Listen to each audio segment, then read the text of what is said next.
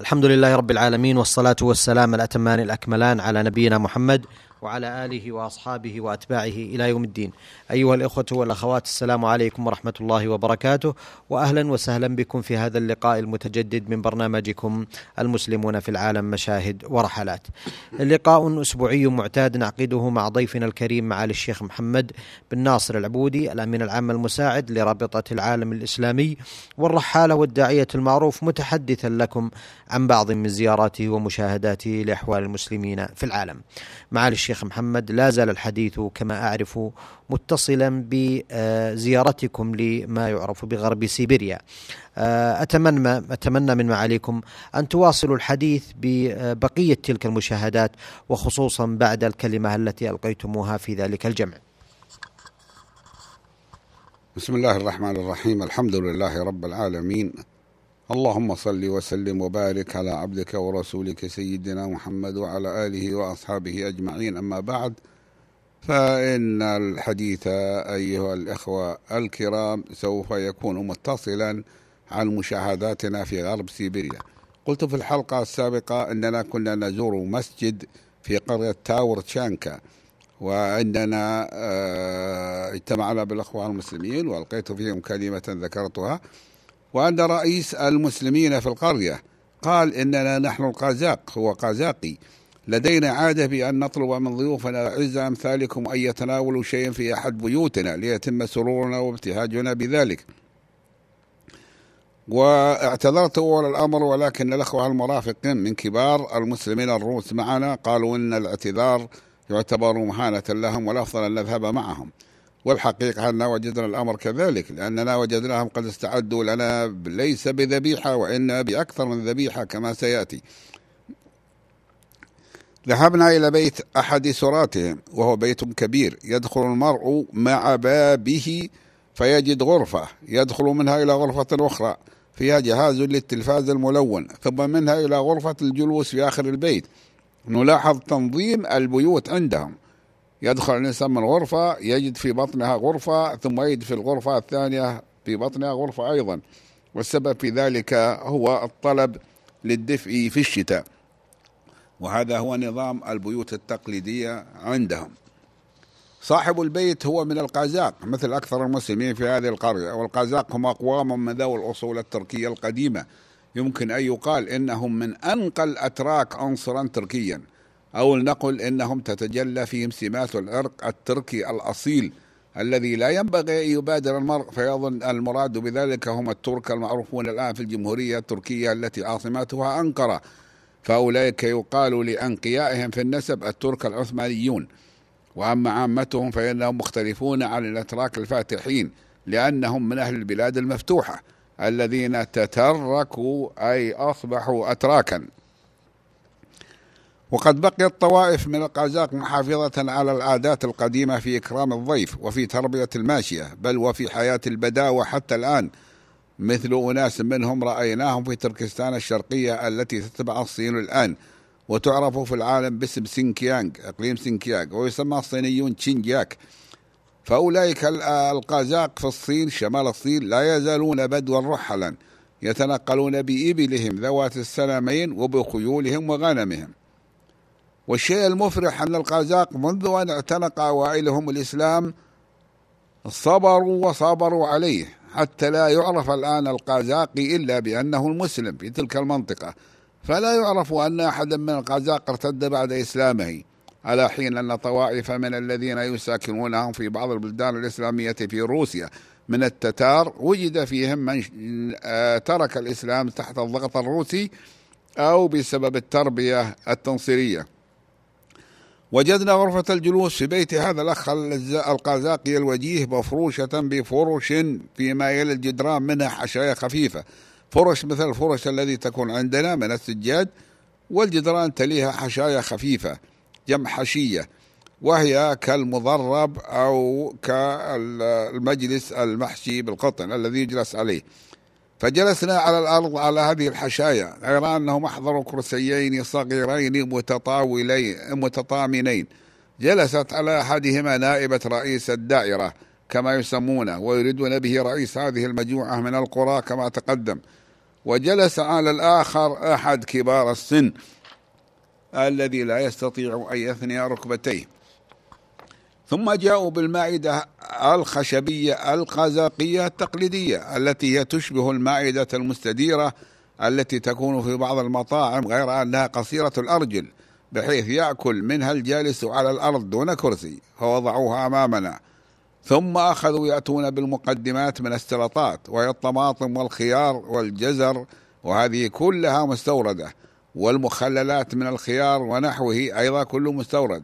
ومع ذلك الزبدة القازاقية الصلبة التي منهم هم عدوها ولك أن تعجب من زبدة صلبة من زبدة صلبة. ونحن نضرب المثل في كلامنا بلين الزبدة وتكون زبلتهم مملحة تصبر إلى وقت طويل دون أن تفسد كما سبق. يساعد على ذلك الجو البارد في بلادهم. وقد جاءوا بالزبدة مع الخبز وعادتهم أن يأكلوها إداما للخبز. أما نحن وأمثالنا فإننا لا نستطيع ذلك لأننا نعرف أن اللحم القازاقي سمين يصعب الجمع بين أكله وتناول الزبدة. نحن نعرف بأن البلاد الباردة يكثر أهلها من الطعام الدسم يزعمون أو يرون من تجاربهم أن الدسم يساعد على الوقاية من البرد وهذا فيه شيء من الصحة لأن الدسم يفرز الجسم الجلد يفرز جزءا منه. فيكون طبقة على الجلد تساعد على الدفء. ثم جاءوا بالصحن الكبير المعتاد فيه طعام الأصابع الخمسة الذي تقدم ذكره. قبل هذه الحلقة وقبل التي قبلها. يحمله منهم اثنان وقد غص بهذا الطعام الأبيض اللون الذي يأتون به. يأتون به إليك على هيئة القرصان التي نصنعها في بلادنا. وهي من ما يسميه العرب الرقاق ولكن لونها أبيض وملبسها لين جدا حتى كأنما صنعت من النشا ويكون بعضها فوق بعض وفق طريقة خاصة بها. ونسيت أن أقول أنهم وضعوا مائدة أخرى في الغرفة كالمائدة التي عندنا وتحلق الجميع على المائدتين مثلما كنا نتحلق على الصياني جمع الصينية وهي صحن كبير من النحاس المبيض بالقصدير ذو قاعدة من النحاس متصلة به ترفعه على الأرض بمقدار ثلثي المتر أو نصف متر. ثم جاءوا بصحنين كبيرين أحدهما لنا والآخر للمائدة الأخرى. وفي الصحن قطعة ضخمة من اللحم الدسم بل الذي يكاد يكون شحمه أكثر من لحمه. وأخذ رجل منهم يقطع من هذا اللحم قطعا بسكين حادة معه. وبطريقة سريعة قد مرنا عليها ويضع أمام القوم. الأعلى منهم رتبة عندهم هو الأول وقد بدأوا بي ثم بالشيخ المفتي نفيع الله ثم برئيس الدائرة الذي هو بمثابة الحاكم الإداري للقرى الثلاث التي تقدم ذكرها وقديرة وقرية تاور تشانكا هذه واحدة منها. وهكذا يقطع اللحم والقوم يأكلون بأيديهم. إلا من شذ من غير أهل البلاد فإنهم يحاولون أن يأكلوا بملعقة ولكنهم لا يستطيعون أن يجاوروا أهل البلاد في السرعة فيه لأنهم لم يحضروا ملاعق وإنما هي الأيدي. كما تدل على ذلك تسمية هذا الطعام الرئيسي أكلة الأصابع الخمسة بمعنى أنه لا بد من أن توكى بالأخذ منها بالأصابع الخمسة كناية عن اليد الواحدة ويسمونها بيش إرماق أي الأصابع الخمسة. كان عدد المتحلقين على هذه الموائد يناهز الأربعين. وهذا سخاء عظيم بالنسبة للحالة الاقتصادية السيئة. كيف يستعدون بهذه المائدة الكبيرة؟ لنا نحن الضيوف ولكبار رجال الإدارة وكبار الموجودين. وقد بقي يعني تحلق على الموائد عدد يناهز الأربعين وبقي بعض القوم من أهل البلاد واقفين يخدمون الضيوف مثل ما يحدث عندنا ويقدمون ما يحتاجون إليه من ماء معدني أو مشروبات غازية. استمر الرجل الذي معه اللحم يقطع اللحم ويقذف بيده ما يقطعه إلى الآخرين الذين يأكلون من إناء واحد وهو هذا الصحن الكبير الذي فيه أكلة بيش أرماق. ويكون ما يقطعه من اللحم بما يملأ كفه أو نحو ذلك ولكنه يقطع. كان يقطع اللحم مع الشحم ويلقيه إلى الآكلين ورأيت أكثرهم أكثرهم يأكله مع الشحم أو يترك القطعة التي فيها الشحم إلى قطعة أخرى أقل شحما. أما نحن فإننا كنا نبعد الشحم عن اللحم ونأكل اللحم وقد بلغنا بعد ذلك أن هذا غير مستساغ. في عرف القازاق وأن صاحب المائدة قد يغضب إذا فعل المضيف ذلك ولكنهم قد يعذروننا بالجهل بعاداتهم. وكما قلنا أن أكلنا من اللحم كثيرا مع العلم بأن كنا قد تغدينا على ذبيحة قزاقية في مسجد خير إحسان في أمسك عاصمة الإقليم الغربي لسيبيريا وهذه هي الثانية. ولكننا لم نستطع مقاومة إغراء هذا اللحم القزاقي اللذيذ حتى وإن كان معه شحم. والأهم من ذلك هو أن نجبر خاطر إخواننا فنأكل عندهم لأنهم أقاموا المعدة من أجلنا. ولو لم نأكل لكان ذلك مناقصا لهم. الأهم من ذلك عندنا أنهم جاءوا بلحم آخر سمين جدا لأنه من الضلوع. وقالوا هذا لحم الخيل. الذي يأكله القزاق والتتار ويكثرون منه ولا يأكله الروس وهو مقدار كبير. يمكن أن يبلغ وزن الذبيحة من الغنم. يعني القطعة جابوها تعادل الذبيحة في الوزن ولكنه من جب الفرس وظهره. وصار الذي يقطع اللحم آه لا هم له إلا قطع اللحم إلى قطع صغيرة بالسكين الحادة التي معه. وقذفها في الصحن أمام كل واحد. وقد يشاء يشترك اثنان في القطعة إذا كان من كبار ليس من كبار القوم. مع العلم بأن لحم الغنم موجود أيضا ولا يزال يقطع منه ويرمي في الصحن. وقد أكل الروس من لحم الغنم أكل من مضت عليهم مدة طويلة لم يأكل لحما أو هذا هو ما ظننا منهم. ربما كان الجلسة الغريبة مع ضيوف عرب جاءوا من بلاد بعيدة ومن ثقافة مختلفة عن ثقافتهم ربما كان لذلك آثار فيه. فقد قالوا أن زيارة ضيوف كبار مثلك إلى منطقتنا هو حدث تاريخي لن ننساه. هكذا قالوا. هكذا وهكذا ترجم لنا إخواننا كلامهم الذي كرروه أكثر من مرة. ومعنا المهندس أحمد يوسف مدير مكتب الرابطة في موسكو ينصت للترجمة. وقد يصحح ما يكون فيها من خطأ وهو فلسطيني روسي الجنسية. كان ذهب إلى موسكو للطلب ثم استقر هناك وتوظف وعاش وتزوج من روسيا. وقد أمعنت في لحم الخيل أكلا لأنني وجدت فيه إلا أنني وجدت فيه شحما كثيرا ولكن تخليص الهبر من الشحم فيه أسهل من تخليصه من لحم الغنم كما عرفنا مثل ذلك في لحم البعير. لحم البعير تخليص الشحم اللحم من الشحم أسهل من تخليص تخليصه من لحم الغنم. وقد وجدت لحم الخيل لذيذ الطعم لينا في المضغ ويكفي أن يتصور المرء أنه من مآكل إخواننا المسلمين دون سواهم في هذه الأصقاع الشمالية النائية. وإلا فإننا في بلادنا لا نعرف أكله بمعنى أنه لا يحدث أن يذبح فرس لكي يأكله الناس أو يبيعوا لحمه. وأذكر في طفولتي أن فرسا لأمير بريدة انكسرت وكنت أنا ذلك صغير انكسرت رجلها. قالوا فذبحوها وأكلوا لحمها فكان بعض الناس يتقزز من ذلك. وقالت العامة في ذلك أقوالا غريبة صدق أقوالا غريبة صدقها السذج منهم وبخاصة النساء. وهو النصف وهو أن النصف الأمامي من الفرس حرام أكله لأنه يقاتل عليه الناس فيشهد الدم الآدمي الذي يسيل وقد يسيل عليه منه شيء. والنصف الخلفي من جسم الفرس حلال أكله لكونه ليس كذلك. وهذه بطبيعة الحال خرافة. وإلا فإن قواعد الشرح الشريف الشرع الشريف ليس فيها ما يحرم أكل لحوم الخيل كما نفهم. لأنها ليست بذي ناب من السباع ولا بذات مخلب من الطير وليست من الخبائث. قال الله سبحانه وتعالى قل لا أجد فيما أوحي إلي محرما على طاعم يطعمه إلا أن يكون ميتة أو دما مسوحا أو لحم خنزير فإنه رجس أو فسقا أهل لغير الله به.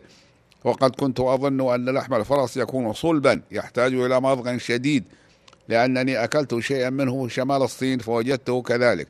ولأنني أعرف بالتجربة أن الحيوان الذي يبذل مجهودا شاقا في الجري الشديد والحمل الثقيل كالبعير والفيل والظبي الذي تطارده وحوش ضارية والكنغرو الذي يعدو على قائمتيه الخلفيتين دون الأماميتين لأنهما قصيرتان يكون لحمه صلبا.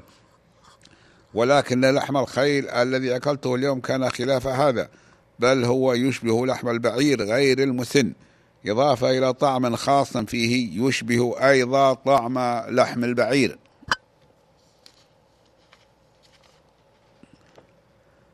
قالت نائبة رئيس الدائرة وهي جالسة على المائدة الرئيسية معنا ورئيس الدائرة كما قلت هو الحاكم فيها. وهي أطلق من الحاكم كلاما وأفصح لسانا فيما ترجمه المترجمون لنا من كلامها. قالت إننا في سيبيريا نعيش معيشة قاسية وهذا يوجب علينا أن نتعاون ونتكاتف لكي لا تكون المعيشة فيها أصعب.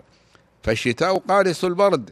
يكفي يتصور منكم أن درجة الحرارة كثيرا ما تكون في هذا المكان أربعين درجة تحت الصفر وهذا قد يمنع الإنسان من القيام بعمل يزمع القيام به لو كان الجو أكثر اعتدالا.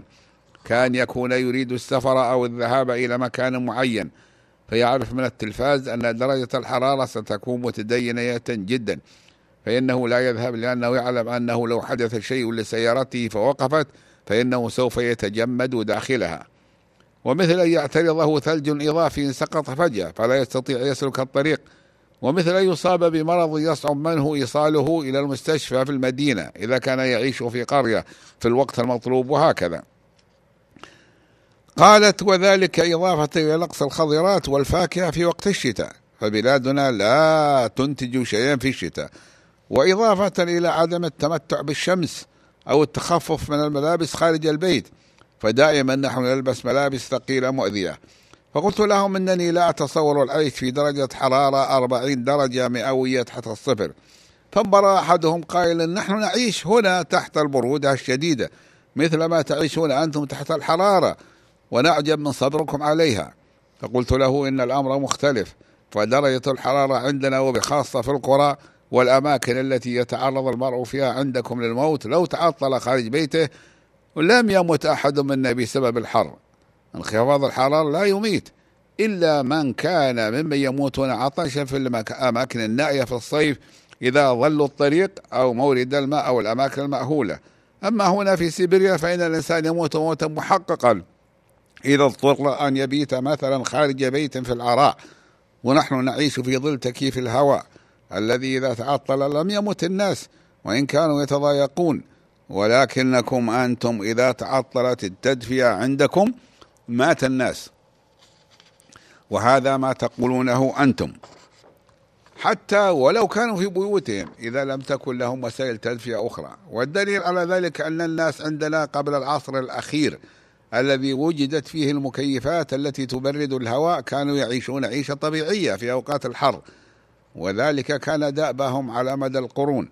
أما عندكم فإن الناس في الأوقات القديمة يدخرون حطب الوقود والتدفئة في الصيف للشتاء. وهنا قلت لهم على سبيل المزاح والمطايبة إن الحرارة عندنا في الصيف هي 42 درجة فوق الصفر في المعدل في منتصف النهار. وهي عندكم 42 أو 40 درجة تحت الصفر في الشتاء. فينبغي أن نتقاسم هذه الدرجة فيكون لكل منا صفر فقط ليس أعلى ولا أنزل. فضحكوا وقالوا هذا مناسب ونحن موافقون عليه. فقلت لهم ولكن بشرط أن يكون لنا نصف ما لديكم من أنهار وبحيرات وأمطار ويكون لكم نصف ما عندنا من محل وجدب وقلة عشب. فضحكوا أيضا وقالوا لا لا لا نريد قلة الأنهار والبحيرات وجدب الأرض وخلوها من العشب. وقد سألوا هذه المرة مثل ما سألوا مرة بالمرات وهم لا يكادون يصدقون بأن بلادنا ليس فيها أنهار ولا تسقط عليها أمطار مجزية يعني مهمة. فأكدت لهم ذلك وقلت حتى الآبار الارتوازية الموجودة عندنا نحن نحافظ على مائها عن النفاد. ونحن الآن في سائر مدننا نشرب من ماء البحر ونغرس الأشجار والأزهار في حدائق البحر أيضا. فأبدوا تقززهم ونفورهم من الشرب من ماء البحر.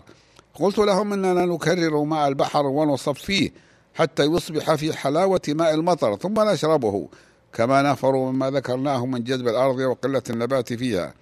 فقلت لهم ولكن مع هذا الذي ذكرت كله فإننا استطعنا أن ننتج من القمح ما يكفي بلادنا ويزيد حتى صدرنا بعضه إلى بلادكم التي لا تزال تستورد المزيد من القمح والغذاء رغم قدرتها المفترضة على ذلك.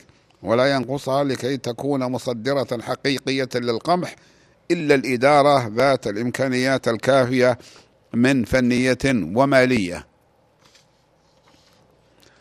وبعد ذلك تطرق الحديث إلى النواحي الصحية في بلادنا وفي هذه البلاد. وقال الشيخ نفيع الله أن الشيخ يقصدني عمره سبعون سنة فلم يصدقوا ذلك أبدا وكانت النسوة منهم أشد استنكارا لهذا الأمر. وقلنا كما قال رجالهم إننا لا نرى أن عمره يزيد على 56 أو 57 من العمر. فقلت لها لهم إن الفرق بين 70 و 57 هو 23 سنة ولم أقل لهم أنني أبلغ 75 سنة من العمر لئلا يزداد تكذيبهم.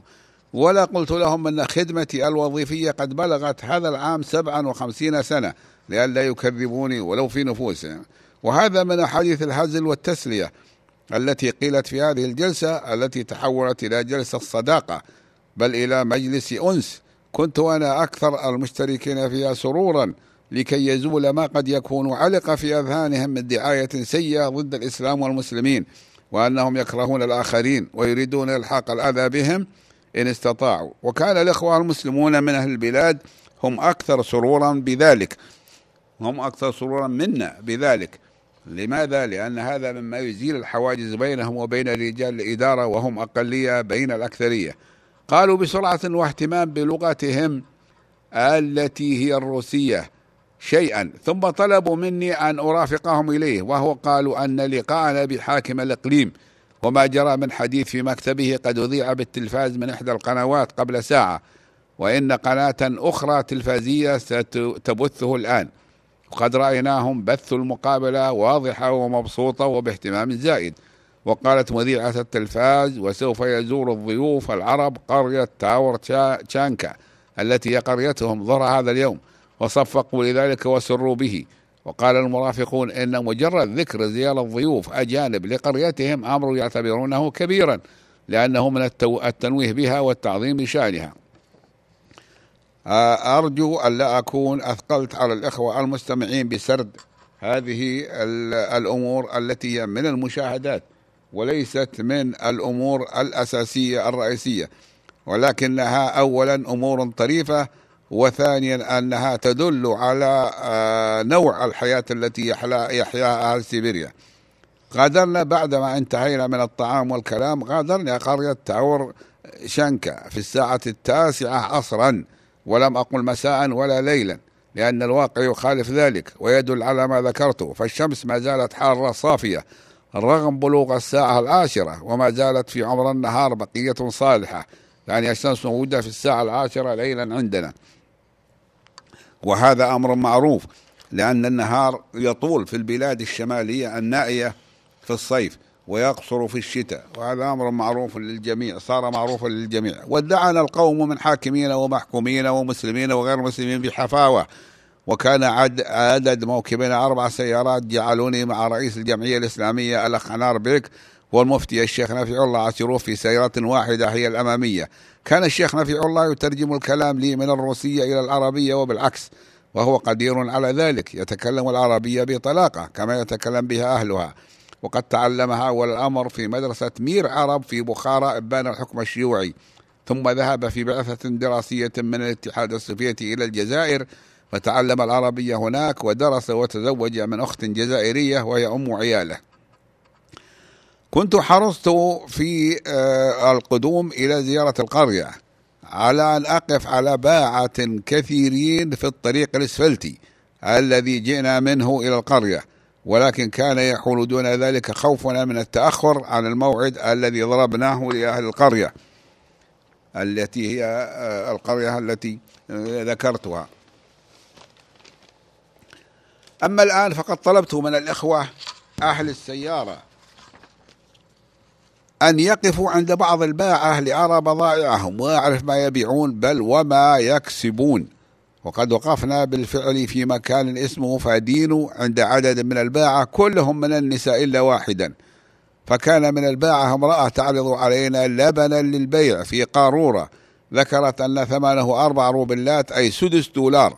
بمعنى أن الدولار الواحد يشترى منه من ثمنه أو من صرفه ستا من هذه الجرار. والروبلات الأربعة جمع روبل الذي هو العملة الروسية تعادل في الصرف الفعلي 12 قرشا سعودية أكثر قليلا من نصف ريال. هذا لا يقاس عليه الآن فقد تغيرت قيمة العملة وزادت وثبتت. وقد وقفت هذه البائعة لتبيع لتبيع ما معها منذ فترة وما زالت تعرضه. ولو فرضنا أنها باعته مباشرة وأن كله فائدة وليس بعضه وليس بعضه رأس مال فإنه يبقى قليلا بل ضئيلا. وقد أنشدت أصحابي عند ذلك ما قاله شاعر مصري في مثله من باعة الفجل. يا بائع الفجل بالمليم واحدة كم للعيال وكم للمجلس البلدي. المليم كما نعرف هو جزء من عشرة أجزاء من القرش. ومن الطريف ما تبيعه إحداهن وهو شراب فيما يشبه البرميل الصغير. فيه صنبور تصب منه شرابا للناس غير معروف لنا فسألها الأخوة عنه. فقالت إنه شراب من الخبز تنقعه في الماء ثم تمرسه أي تعجله وتصفيه ثم تبيعه شرابا رخيصا للمشترين على الطريق. ربما كان حتى ذلك الخبز قديما وكانت تبيع نوعا صغيرا من الخبز يشبه ما يعرف في مصر بالسميط وهو الذي أضيف إليه شيء من السمسم ونحوه ولم أرى السمسم بالذات فيه لأنه من نبات البلدان المعتدلة. فسألناها عن السعر فكانت كادت تذوب حياء وخجلا مثل غيرها بل أكثر منهم لأنها فيما قالوا رأت رتلا من السيارات الصغيرة الفارهة تقف عليها في بعضها ضيوف أجانب. فذكرت ذكرت السعر الواحدة فسألتها كم تبيع منه بالروبل؟ فذكرت أنها تبيع في اليوم كله بما معدله 200 إلى 300 روبل.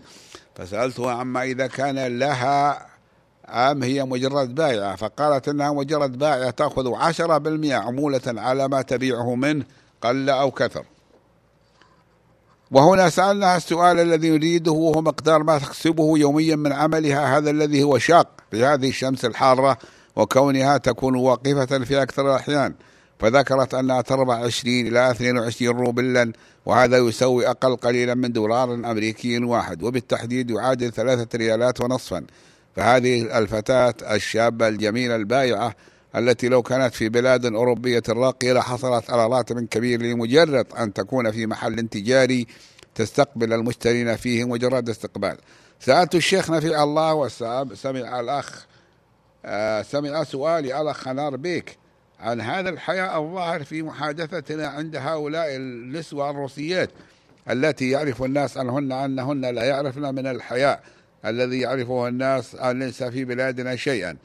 فأجاب بأنهن يستحيين من حالتهن الحاضرة التي ألجأتهن إلى امتهان هذه المهن التي لا تدر عليهن ربحا مجزيا بل أنهن يستحين من كون الأمر من الحاجة وصل بهن إلى هذا الحد. وظني أن الأمر لا يرجع كله إلى ذلك وإنما كان الحياء من النظرات الحادة التي ينظر بها إليهن الضيوف أكثر مما يفعل المواطنون. الذين اعتادوا على رؤيتهن والله أعلم.